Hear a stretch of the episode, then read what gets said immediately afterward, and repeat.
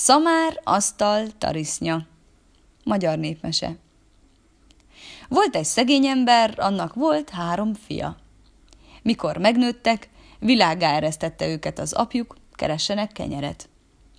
Először a legidősebb búcsúzott el az apjától és a testvéreitől.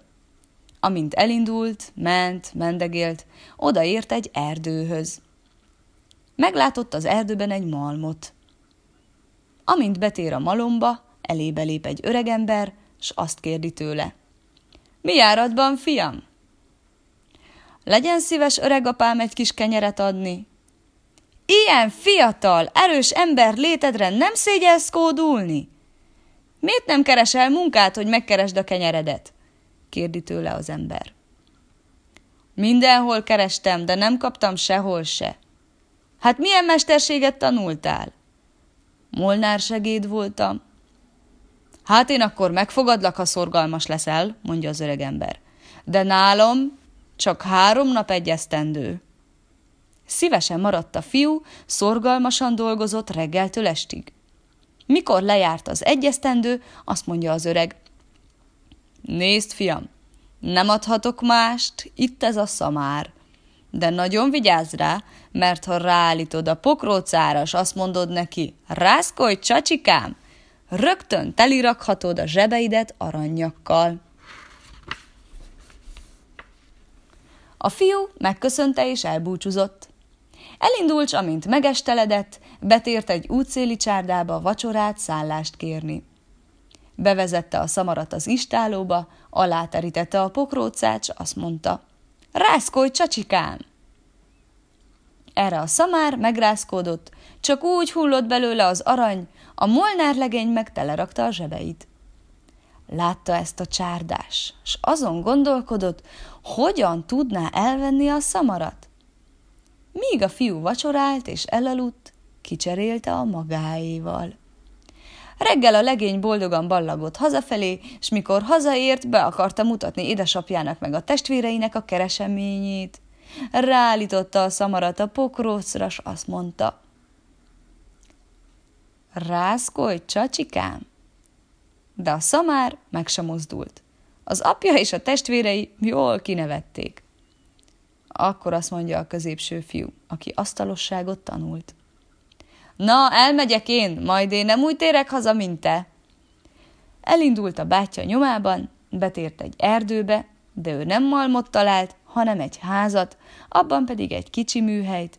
Amint betért a házba, elébe lépett egy öregember, s azt kérdezte tőle, mi járatban vagy, fiam? Munkát keresek.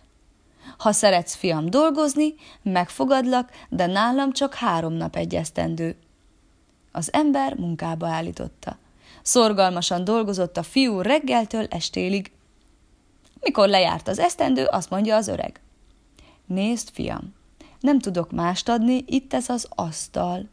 Ha megéhezel, tedd le, és mondd neki, asztalkám teríts. A fiú megköszönte, és elment. Este ő is betért abba az útszéli csárdába, ahova a bátyja de ő nem kért vacsorát, csak szállást. Fölfigyelt erre a csárdás. Megleste a fiút, látja ám, hogy terített asztal van előtte. És mikor a fiú megvacsorált és lefeküdt, a csárdás ellopta az asztalt, rögtön elvitte az asztaloshoz, és hasonlót csináltatott, és azt állította a csodaasztal helyébe. Reggel a fiú fölfogta az asztalt, és boldogan ballagott hazafelé. Mikor hazaért és be akarta mutatni a keresményét, letette az asztalt és rászólt. Asztalkám, teríts! De az asztal üresen maradt. Az apja meg a testvérei jót mulattak rajta.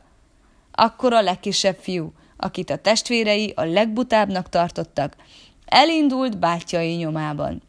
Ő is beért egy erdőbe, de egy igen kicsi házat talált csak. Kilépett a házból egy öregember, s azt kérdezte tőle. Mi járatban, fiam? Munkát keresek. Hát aztán milyen mesterséget tanultál? Fát esztergálni, felelte a fiú. Ezt is megfogadta az öregember, mikor lejárt az esztendő, ami három napig tartott, azt mondja. Fiam, mivel olyan szorgalmas voltál, nesze itt ez a tarisnya, s benne egy dorong. Ha azt mondod neki, dorong táncolj, rögtön munkára kerekedik. A fiú megköszönte, elbúcsúzott az öregtől, s az úton egy nagy kutya jött vele szemközt, egyenesen neki tartott. Annyira megjett, rögtön ki is próbálta a dorongot. Ráparancsolt. Dorong, táncolj! És a dorong kiugrott, elkezdte verni a kutyát. Már annyira összeverte, hogy a fiú is megsajnálta, és ráparancsolt. Dorong, bújj el! A dorong eltűnt. A kutya tovább ment. Ez a fiú is betért az útmenti csárdába. Megrendelte a vacsorát és a szállást, a tarisznyát meg átadta a csárdásnak. Vigyázzon erre, gazduram! Csak azt nem merje mondani, hogy dorong táncolj! A fiú lefeküdt, a csárdás pedig nagyon kíváncsi volt. Ráparancsolt a dorongra. Dorong, táncolj! Erre a dorong kiugrott, és elkezdett táncolni a csárdás hátán. Nem tudott tőle megszabadulni, könyörgött a legénynek, segítsen rajta. Ha visszaadod a bátyáim keresményét, akkor megszabadulhatsz tőle.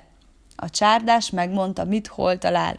Akkor a fiú ráparancsolt a dorongra, Dorong, bújj el! A fiú megkapott mindent, és ment hazafelé a szamárral, az asztallal, meg a tarisznyával. Mind a két bátyjának odaadta a keresményét. Gazdagok lettek.